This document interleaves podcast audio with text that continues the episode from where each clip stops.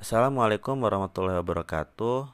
Ayah bunda sekalian, bertemu lagi dengan saya dalam segmen podcast Sehat bersama Dr. Apin.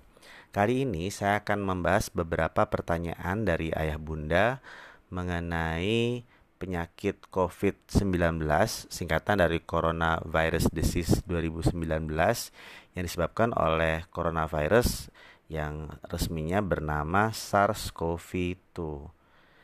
Yang pertama, saya akan mencoba untuk menjawab pertanyaan.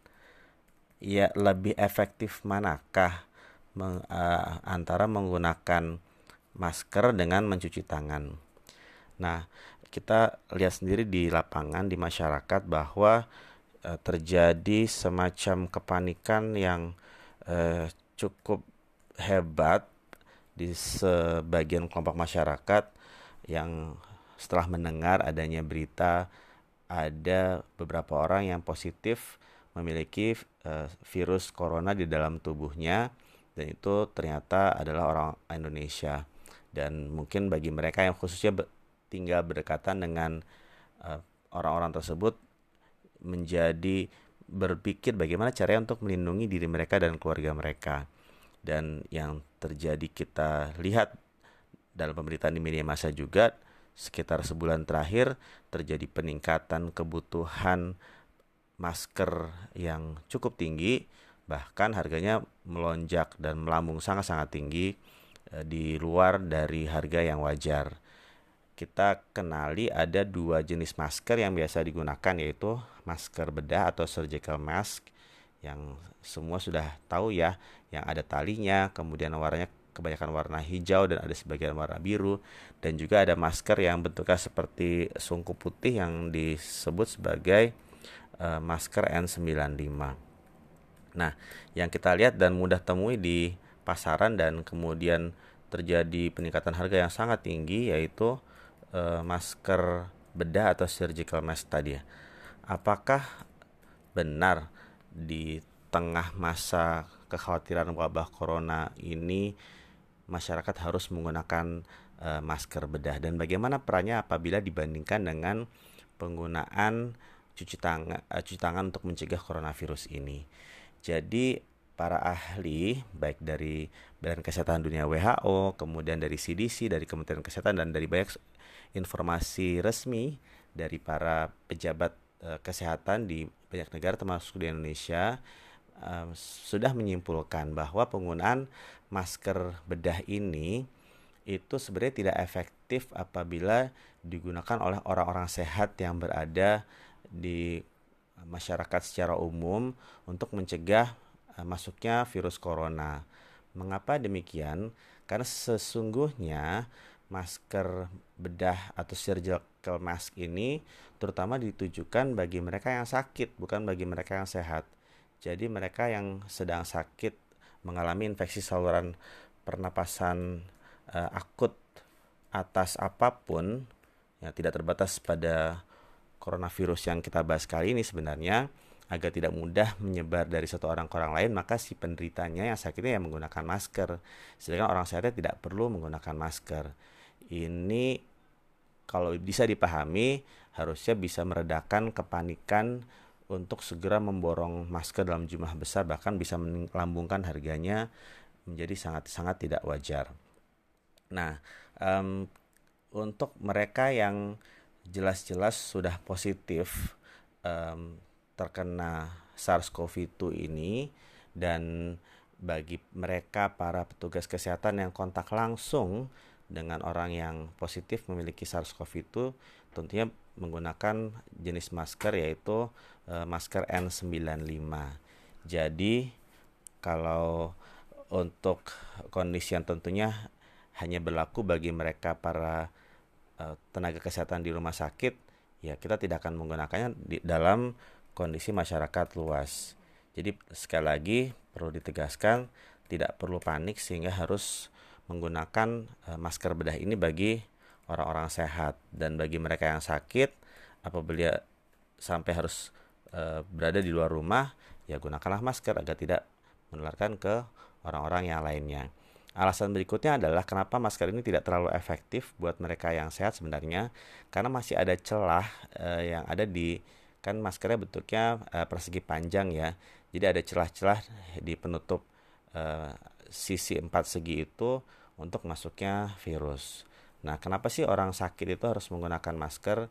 Apakah sudah yakin bisa mencegah seluruh virus yang dibatukan atau dibersihkan ber, dibersihkan keluar itu? tentunya tidak 100% bisa mencegah tapi sangat-sangat mengurangi kemungkinan virus itu keluar. Nah, yang tidak kalah penting dan itu sudah berkali-kali disampaikan yaitu mengenai cuci tangan. Cuci tangan ini sangat efektif untuk mencegah penularan virus saluran napas uh, atas apa pun baik uh, eh, COVID-19 maupun virus-virus yang lainnya dan di sini yang dianjurkan adalah mencuci tangan menggunakan air mengalir dan sabun. Jadi tidak harus sampai uh, kemudian menggunakan sabun antiseptik khusus, seperti tidak harus seperti itu. Dan yang perlu ditekankan lagi adalah cuci tangannya itu harus uh, dengan menggunakan eh, langkah-langkah uh, yang meliputi mencuci seluruh permukaan tangan uh, baik permukaan telapak sampai belakang uh, punggung tangan dan juga sampai sela-sela jari dengan air mengalir dan sabun dan kemudian uh, lamanya kurang lebih sekitar uh, 20 detik. Dan kita bisa lihat di banyak uh, media bagaimana aturan cuci tangan yang baik ini ini sangat-sangat uh, efektif untuk mencegah penularan virus dan kalau memang tidak uh, memiliki lokasi yang tepat atau tidak ada tempat cuci tangan, kita boleh menggunakan hand sanitizer. Nah, hand sanitizer ini uh, yang cukup efektif untuk uh, mencegah virus untuk bisa menyebar yaitu setidaknya yang berbasis alkohol minimal 60%. Dan kuman kan tidak hanya virus ya, ada bakteri juga.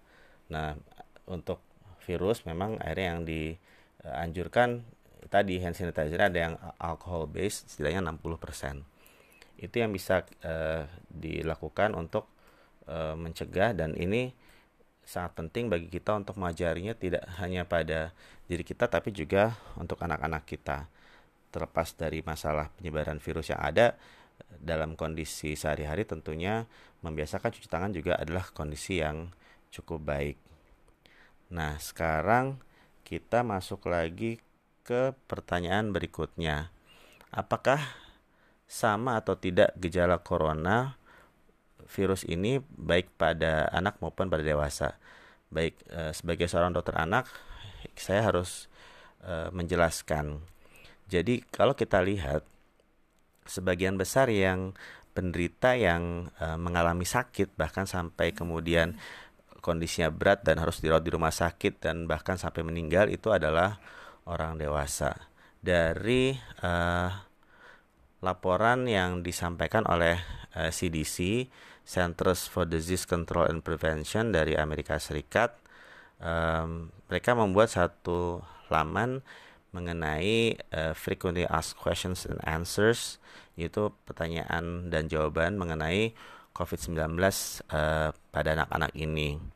Jadi uh, dalam laman tersebut dinyatakan eh, bahwa anak-anak itu ternyata tidak lebih rentan untuk terkena virus SARS-CoV-2 ini dibandingkan dengan dewasa. Dari laporan para eh, penderita yang positif terkonfirmasi COVID-19 terutama dari negara China itu adalah mayoritas e, dewasa tentunya. Pada anak-anak e, infeksinya memang sudah dilaporkan bahkan termasuk pada uh, bayi um, tapi memang sangat-sangat jarang dibandingkan dengan orang dewasa. Nah, bagaimana cara pencegahannya seperti sudah dijelaskan tadi sebelumnya uh, umum saja yaitu dengan uh, langkah cuci tangan yang uh, cukup uh, baik itu adalah langkah terbaik untuk mencegah penyebaran infeksi menggunakan air mengalir dan sabun atau menggunakan uh, hand sanitizer berbasis alkohol. Kemudian hindari bertemu dengan orang yang sakit. eh, baik orang dewasa maupun anak-anak lainnya. Dan jangan lupa untuk anak-anak kita pastikan imunisasi rutinnya lengkap. Eh, ini kan pada kondisi apa pun memang seharusnya lengkap apalagi di masa-masa seperti ini termasuk vaksin influenza. Nah, di sini perlu ditekankan bahwa vaksin flu atau vaksin influenza tidak bisa mencegah penyakit coronavirus.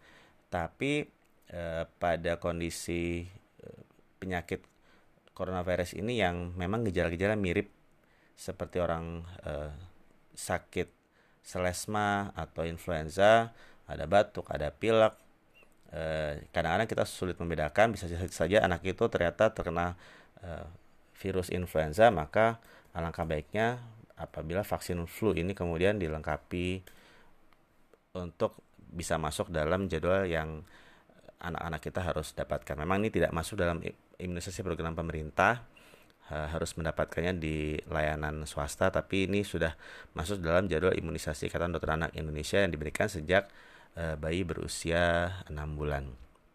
Lalu pertanyaan berikutnya adalah yang sangat-sangat sering diajukan yaitu apakah gejala-gejala COVID-19 ini sama antara anak-anak dengan dewasa. Jadi eh, laporan yang memang tidak terlalu banyak untuk kasus pada anak, lagi-lagi di China itu eh, menunjukkan gejala-gejala pun mirip dengan gejala selesma, yaitu adanya demam, kemudian eh, ingus mengalir atau hidung tersumbat bahkan dan e, batuk jadi persis sama seperti seseorang anak yang sakit batuk pilek e, selesma. Memang ada juga yang melaporkan gejala saluran cerna seperti muntah dan diare e, tapi di sini ada satu laporan saja yang melaporkannya. Dan e, pada laporan-laporan tentang kasus anak itu memang semu, hampir semua gejalanya adalah ringan ada juga yang mengalami kondisi yang berat yaitu uh, yang disebut sebagai uh, eh, ARDS atau acute respiratory distress syndrome dan juga mengalami uh, shock septic tapi ini sangat jarang kasusnya. Nah, kemudian kalau dibandingkan dengan orang dewasa apakah uh, risiko penyakit beratnya kesakitan atau morbiditas dan kematian atau mortalitas akibat COVID-19 ini pada anak lebih tinggi dibandingkan dengan orang dewasa. Dengan data yang cukup terbatas uh, dari China, ya saya tekankan kembali gejalanya adalah mayoritas ringan uh, yang tadi saya sebutkan ada acute respiratory distress syndrome, kemudian shock septic itu uh, cukup uh, jarang. Dan yang terakhir nih pertanyaan tentang anak yang ada di laman tersebut apakah sudah ada pengobatannya apabila anak itu mengalami e, terdiagnosis COVID-19 ya sebagai suatu penyakit akibat virus sampai saat ini masih belum ada obat antivirus yang direkomendasikan e, dan akhirnya sama seperti e, orang dewasa orang yang terkena coronavirus ini COVID SARS-CoV itu ya daya tubuh lah yang akan menyembuhkannya. Um, tinggal apakah ia mengalami komplikasi berat menjadi pneumonia atau ARDS atau shock septic bahkan atau tidak. Dan ya pada anak-anak karena gejalanya kebanyakan ringan nanti akan sembuh dengan uh, sendirinya. Dan lagi-lagi jangan lupa uh, untuk selalu melakukan upaya pencegahan yang terpenting yaitu etika batuk yang baik mencuci tangan dengan air mengalir dan sabun atau sanitizer berbasis alkohol dan pastikan imunisasi rutinnya selalu lengkap. Kemudian eh, pertanyaan yang berikutnya adalah eh, bagaimana pencegahan untuk keluarga kita. Jadi baik anak maupun dewasa sama semuanya tidak perlu panik untuk semua harus menggunakan masker kalau kondisinya sehat. Tapi begitu ada salah satu anggota keluarga, entah itu ayah, ibu, atau anak yang sakit, Uh, untuk orang dewasa tentunya sudah paham ya cara menggunakan masker uh, untuk yang sakit saja, yang sehat tidak perlu pakai masker. Tapi untuk anak-anak yang memang agak sulit uh, dan masih belum paham etika batuk yang baik atau menggunakan masker, apalagi anak-anak yang usia di bawah 3 tahun, maka mereka sebisa mungkin uh, dipisahkan atau diberi jarak ya. Misalnya tidurnya dipisahkan dahulu atau dikurangi interaksinya antara antara si kakak dan si adik gitu. Sambil yang lebih besar diajarkan untuk uh, paham cara memakai masker dan kemudian mereka semua termasuk yang kecil bahkan yang bayi sekalipun eh, sering-sering untuk dicuci tangannya dengan air mengalir dan sabun dan uh, upayakan untuk selalu diingatkan uh, untuk menghindari menyentuh uh, muka uh, menyentuh mata menyentuh hidung mulut uh, dan wajah yang pertanyaan berikutnya lagi yaitu gejala apa yang paling jelas membedakan antara coronavirus dengan common cold? Ya, eh, SARS-CoV-2 ini eh, seperti tadi sudah dijelaskan, gejalanya hampir tidak ada bedanya dengan common cold yang disebabkan oleh rhinovirus, adenovirus, atau coronavirus tipe sebelumnya tipe lain ya. Kan coronavirus juga salah satu penyebab common cold tentunya bukan SARS-CoV-2 tapi coronavirus lain yang sudah diketahui ada sekitar uh, tiga jenis coronavirus yang lainnya begitu juga de dengan uh, virus influenza yang juga bisa membuat uh, diagnosis yang mirip dengan selesma itu uh, tidak ada bedanya gitu. Ada sama-sama bisa berupa batuk berupa pilek kadang ada demam kadang ada uh, yang tidak gitu. Tapi satu laporan yang cukup menarik eh, yang eh, saya baru baca dari Singapura eh, ada seorang anak eh, bayi yang dia tertular SARS-CoV-2 dari uh, orang di rumahnya itu dari orang tuanya. Uh, si bayi ini uh, sangat uh, um, hanya mengalami demam kurang lebih satu hari kemudian dia tampak sehat-sehat saja tapi e, positif memiliki virus di usap tenggoroknya dan dia tidak e, tidak bergejala cukup sehat. Dan kalau dilihat dengan pemeriksaan laboratorium kadar e, viral load istilahnya itu sangat-sangat tinggi gitu. Artinya seorang e, bayi saja yang usia di bawah satu tahun yang tidak sakit tapi memiliki kadar virus yang cukup tinggi dia bisa saja menularkan ke orang-orang lainnya tapi si bayi itu sendiri si anak itu sendiri tetap kondisinya masih baik-baik uh, saja. Jadi kalau kembali lagi saya simpulkan gejala sebenarnya masih kurang lebih uh, tidak sulit untuk sulit untuk dibedakan mirip-mirip saja tapi memang yang kemudian lebih mencurigai adalah apakah anak ini uh, ada riwayat uh, kontak dengan orang yang uh, terduga Eh, memiliki virus tersebut atau bahkan mungkin berkunjung ke uh, wilayah yang sudah diketahui terjadi wabah uh, eh, COVID-19 tadi. Kemudian untuk gejala-gejala yang lebih spesifik lagi, berapa lama gejalanya bisa timbul? Ya tadi uh, ini terkait dengan masa inkubasi dalam artian ketika seseorang uh, memiliki virus di tubuhnya sampai dia muncul gejalanya itu sangat beragam. Uh, umumnya yang dipakai patokan pada sebagian besar kasus adalah 2 sampai 14 hari. Tapi ada beberapa kasus yang memberitakan bahkan bisa sampai 26 bahkan eh, uh, 28 hari masa inkubasi ini. Ini adalah virus yang masih novel, masih sangat baru dan karakteristiknya juga belum diketahui sepenuhnya. Ya kita tinggal menunggu perkembangan berita yang ada. Um, dan memang uh, yang mematikannya terutama ya lebih tinggi pada orang dewasa atau tambah lanjut usia dan mereka yang memiliki sudah memiliki uh, penyakit penyerta lain dan lagi-lagi saya tekankan pada anak-anak relatif uh, jarang yang memiliki kondisi yang berat. Nah, um, ada pertanyaan lagi yaitu untuk anak yang berusia 6 bulan ke atas kalau terkena virus hal yang pertama dilakukan itu apa? Nah, eh, ketika seorang anak terdiagnosis eh, positif memiliki eh, virus SARS-CoV-2 penyebab COVID-19 ini, nanti semua akan kembali ke eh, gejala yang muncul. Apakah anak itu tampak sehat-sehat saja karena mereka yang memiliki virus pun bisa tanpa gejala sama sekali kalau memang daya tahan tubuhnya cukup baik apalagi pada anak-anak yang jarang menunjukkan gejala yang uh, berat. Nah, uh, nanti akan kembali kepada protokol uh, penanganan uh, penderita di wilayah tersebut, ya pastinya mereka akan diisolasi sampai masa inkubasinya berakhir, kemudian akan dilakukan pemeriksaan uh, berkala untuk mendeteksi apakah virusnya sudah hilang dari dalam tubuhnya. Kemudian ada pertanyaan lagi yaitu mengenai um, apakah penanganan coronavirus cukup dengan sabar dan gendong ya ini uh, bagi ayah bunda yang pernah mendengar tagar yang saya buat sabar dan gendong ketika saya uh, menyampaikan edukasi saya dari buku berteman dengan demam kemudian bagaimana, bagaimana cara menghadapi selesma common cold pada anak, terutama anak-anak di bawah 3 tahun. Prinsipnya sama. Nah, cuma bedanya apa?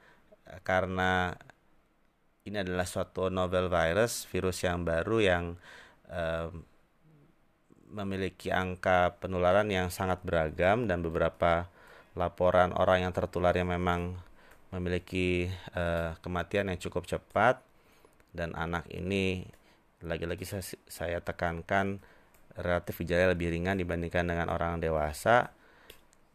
Misalnya nih, ada satu keluarga yang kemudian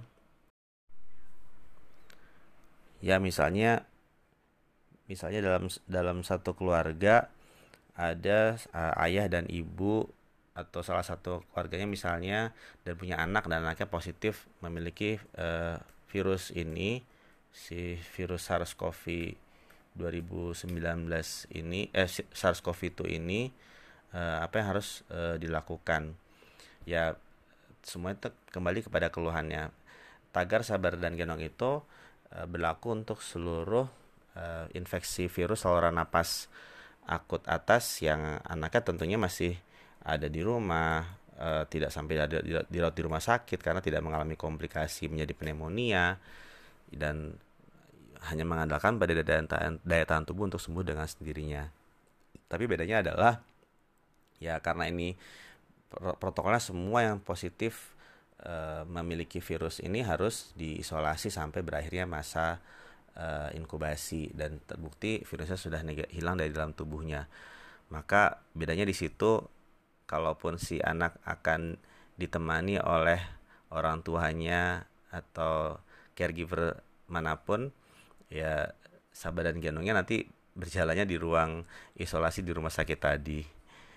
Yang pertanyaan berikutnya adalah cara mendiagnosis coronavirus dengan apa? Ya, jadi eh, ini ada ya.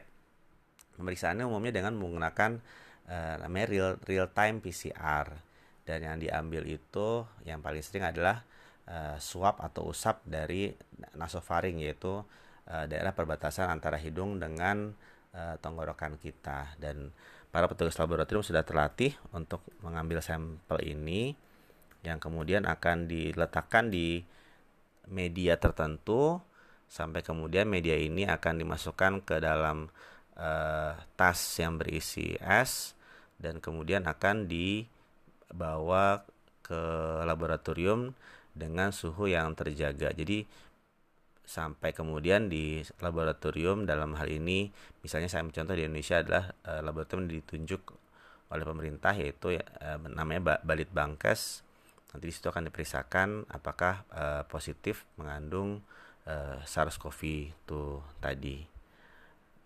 Nah untuk e, pertanyaan lainnya yaitu e, mengenai e, apakah apakah apakah anak-anak yang sudah terdiagnosis uh, SARS-CoV-2 ini harus uh, diisolasi anak sehat, anak-anak sehat uh, yang saat ini di tengah wabah SARS-CoV itu harus di rumah saja untuk menghindari uh, penyebaran misalnya, jadi nggak boleh ke mana-mana ini sebenarnya tidak harus demikian. jadi prinsipnya adalah dalam kondisi yang ada secara umum untuk menghindari penyakit uh, yang ter melibatkan saluran napas dan penularannya melalui droplet yaitu uh, melalui percikan uh, dahak atau bersin uh, yaitu cara bagaimana coronavirus menyebar ini maka tentunya apabila tidak perlu keluar berada di tengah keramaian ya tidak usah di rumah saja. Kalau tidak perlu atau tidak urgent untuk misalnya pergi ke bioskop, pergi ke mall atau uh, melakukan bertemu dengan orang banyak, maka sebaiknya uh, tetap berada di rumah saja. Dan ini sebenarnya uh, perlakuannya secara umum untuk virus-virus saluran napas seperti itu. Um, ada lagi yang bertanya yaitu apakah efektif penggunaan masker untuk anak karena anak-anak tidak nyaman uh, ya tadi kan um, kalau belum paham belum ngerti apalagi anak-anak di bawah tiga tahun memang agak-agak sulit. Dan kalaupun anak-anak di atas eh, tiga tahun itu harus menggunakan masker yang pas ukurannya. Ya pada akhirnya adalah kalau seperti ini um, mereka yang anak-anak yang sakit uh, sambil diajari untuk menggunakan masker tentu harus ada langkah pencegahan lainnya yaitu dengan uh, mencuci tangan. Dan uh, berupaya sebisa mungkin untuk uh, memisahkan antara anak yang sakit dengan anak yang sehat uh, di rumah untuk mengurangi interaksi antar uh, mereka itu lebih mungkin untuk dilakukan pada anak-anak. Kemudian mengenai pertanyaan berikutnya adalah um, bagaimana untuk ingin melakukan perjalanan keluar. Uh, ya kita tahu adanya travel warning dan itu berkala dikeluarkan oleh uh, eh, WHO atau CDC misalnya maka kita ikut. Misalnya tidak boleh bepergian ke uh, China ke Korea Selatan kemudian ke Iran. Dan travel warning ini bisa jadi berubah seiring dengan laporan kasus yang ada. Atau misalnya untuk orang-orang yang lanjut usia uh, diminta untuk tidak melakukan perjalanan ke Jepang. Dan ini uh, kita akan update terus beritanya. Itu secara umum untuk travel warning yang ada. Kemudian uh, mengenai haruskah mengkonsumsi vitamin atau suplemen tertentu untuk meningkatkan daya tahan tubuh agar tidak mudah terkena COVID-19 sejujurnya dari semua data yang ada uh, untuk yang dikatakan sebagai vitamin atau suplemen penambah daya tahan tubuh masih belum ada yang dianggap uh, cukup uh, terbukti efektif maka sejauh ini sih memang tidak tidak ada demikian uh, lanjutan untuk spesifik mengkonsumsi vitamin atau suplemen tertentu. Prinsipnya adalah istirahat yang cukup uh, untuk orang dewasa itu sekitar 6 sampai 8 jam per hari. Kemudian makan makanan yang bergizi dan berolahraga untuk menjaga daya tahan uh, tubuhnya. Nah, um, sekarang ya ini ada uh, pertanyaan terakhir yaitu uh, kan corona itu dari virus dan tidak perlu obat, apakah bisa sembuh sendiri seperti common cold atau flu? Ya, jawabannya memang coronavirus itu akan sembuh sendirinya seiring dengan daya tahan tubuh yang tetap sejak awal mampu menghalau untuk tidak sakit atau yang sudah sakit kemudian menjadi sembuh. Masalahnya adalah dalam perjalanan penyakitnya ada yang kemudian mengalami komplikasi sampai menjadi pneumonia atau radang paru atau kemudian mengalami komplikasi menjadi uh, tadi yang dikatakan sebagai acute respiratory distress syndrome uh, bahkan menjadi shock sepsis yang dua hal terakhir ini uh, sering kali menjadi penyebab kematian di ruang ICU di rumah sakit dan sebagian uh, penderitanya tentunya menggunakan alat bantu napas yang disebut sebagai ventilator. Itu yang bisa saya sampaikan dalam podcast kita kali ini. Semoga bermanfaat. Terima kasih sudah mendengar dan menyimaknya. Saya menunggu masukan kritik dan saran dari ayah bunda sekalian. Salam sehat bersama Dr. Apin. Assalamualaikum warahmatullahi wabarakatuh.